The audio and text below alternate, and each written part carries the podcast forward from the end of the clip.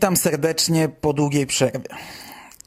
Dziś chciałbym porozmawiać o niedawno zakończonym, dość popularnym w gronie czytelników takiej literatury, polskim cyklu fantastycznym Kłamca autorstwa Jakuba Ćwieka. I w dużym skrócie, czym jest ten cykl? Mm, Kłamca opowiada o nordyckim bogu Lokim, który zostaje wynajęty przez aniołów do brudnej roboty. Cykl zaplanowany został na cztery tomy, z których dwa pierwsze to zbiory opowiadań, a dwa ostatnie są powieściami. Kuba nie przeciągnął tego dalej i w trakcie pisania nie zmienił planu, choć pewnie spotkałoby się to mimo wszystko z aprobatą czytelników, gdyż przez te kilka lat cykl zdobył naprawdę wielu wiernych fanów. Ja sam chyba ucieszyłbym się, gdybym dostał więcej, ale o tym na koniec. Dwa pierwsze tomy, czyli po prostu Kłamca oraz Kłamca 2 Bóg marnotrawny, to jak wspomniałem zbiory krótszych tekstów, y, mających oczywiście wiele punktów wspólnych. Z grubsza wygląda to tak, że w każdym opowiadaniu y, Loki wykonuje jakieś zadanie, co daje sporo urozmaicenia, ale też zachowana jest jakaś wspólna linia fabularna. Anioły nie działają czysto, ale też kilku granic nie mogą przekroczyć i do tego potrzebny jest im ktoś taki jak Loki. Swoją drogą świetna postać. Mm, pierwszy tom to przygody samego kłamcy, zaś w drugiej odsłonie zawiązuje nam się drużyna. I ja tak naprawdę dopiero przy tej książce wsiąkłem w ten cykl. Mm, oczywiście pierwszy zbiór nie ustępuje w zasadzie niczym dwójce, ale mnie dopiero przy drugim podejściu porwało na dobre. Teoretycznie jest to rodzaj literatury, za którą ja nie przepadam. Mm, tak zwana fabrykowa fantastyka, a przynajmniej ja tak sobie określam gatunek książek wydawanych przez fabrykę słów. Krótkie, lekkie i dość specyficzne. Mm, jak to kiedyś ktoś powiedział w jakimś wielogłosie o książkach spod szyldu fabryki, e, anioł z mieczem jest fajny, anioł z karabinem jeszcze lepszy, a anioł z mieczem i karabinem to już w ogóle wymiata. I dla mnie mniej więcej tym są książki z fabryki. Krzykliwe okładki, które indywidualnie wypadają zwykle świetnie, ale przechodząc w księgarni obok regału z polską fantastyką, yy, można dostać zawrotu głowy oraz lekkie, specyficzne historie. Czemu akurat kłamca do mnie trafił? Trudno powiedzieć. Jakuba Ćwieka poznałem dopiero jak już kończyłem drugi tom, więc y, nie można mówić, że zacząłem to czytać ze względu na znajomość z autorem.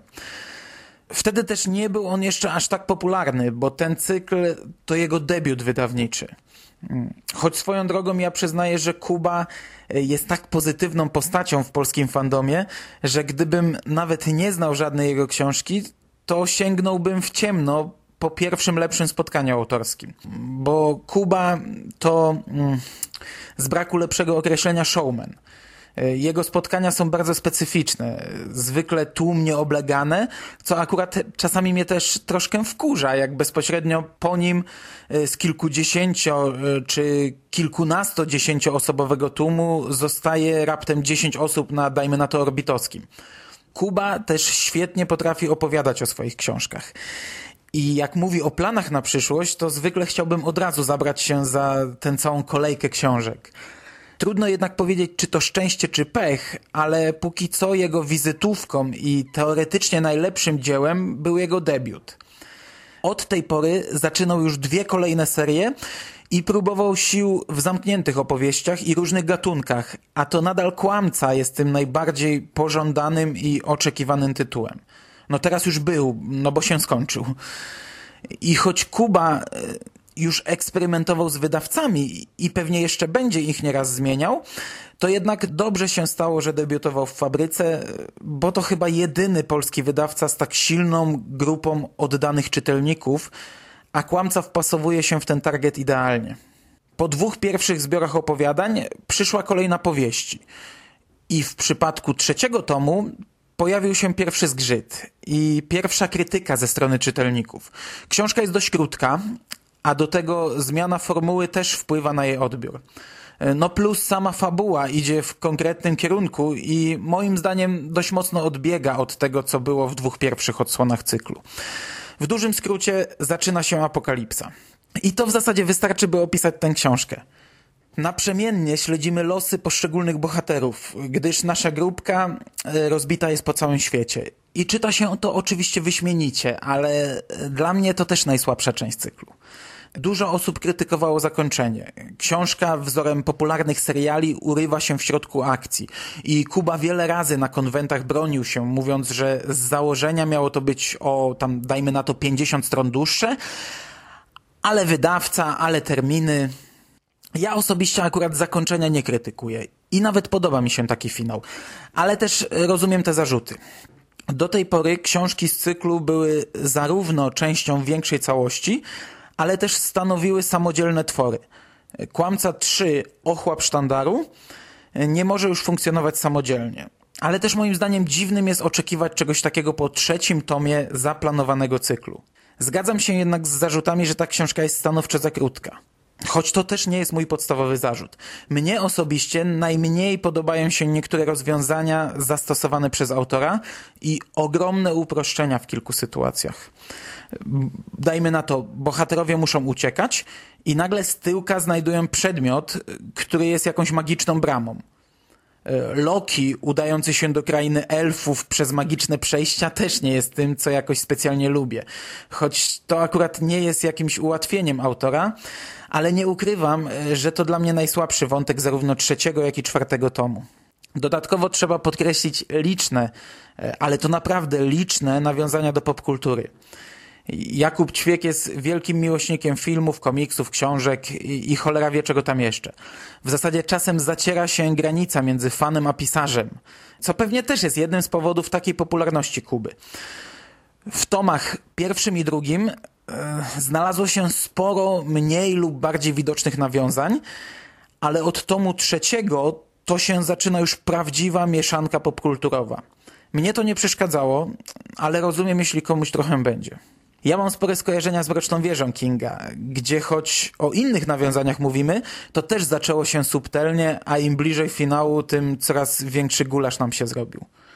I to w zasadzie tyle o trzecim tomie. To nadal bardzo fajna książka, choć odstaje od dwóch poprzedników i ja osobiście oceniłem ją lepiej dopiero po przeczytaniu ostatniego tomu i mając obraz na całą historię.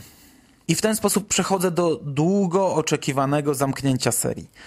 Wydany niedawno Kłamca 4 Kill Em All to w moim odczuciu najlepsza odsłona tego cyklu. E, ale też ja nie jestem zbyt obiektywną osobą, by go oceniać, o czym za chwilę.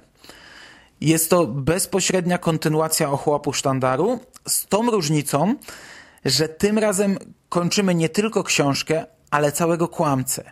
E, I w moim odczuciu wyszło idealne zakończenie. Może ktoś powiedzieć, że trochę proste, e, ale ja to kupiłem. I takiego finału apokalipsy sam bym nie wymyślił. Co więcej, dałem się nabrać autorowi, co tak naprawdę pewnie nie było zbyt trudne, ale i tak fajnie się poczułem czytając ostatnie akapity. Nie wiem na ile zadziałało tutaj to, że trzeci tom przygotował mnie na niektóre wątki, ale w Kłamcy 4 podobało mi się w zasadzie wszystko. Dodatkowo po raz pierwszy poczułem, że Kuba stworzył jedną spójną historię. Do tej pory mieliśmy dwa luźno powiązane zbiory opowiadań i jedną dość odstającą od reszty powieść.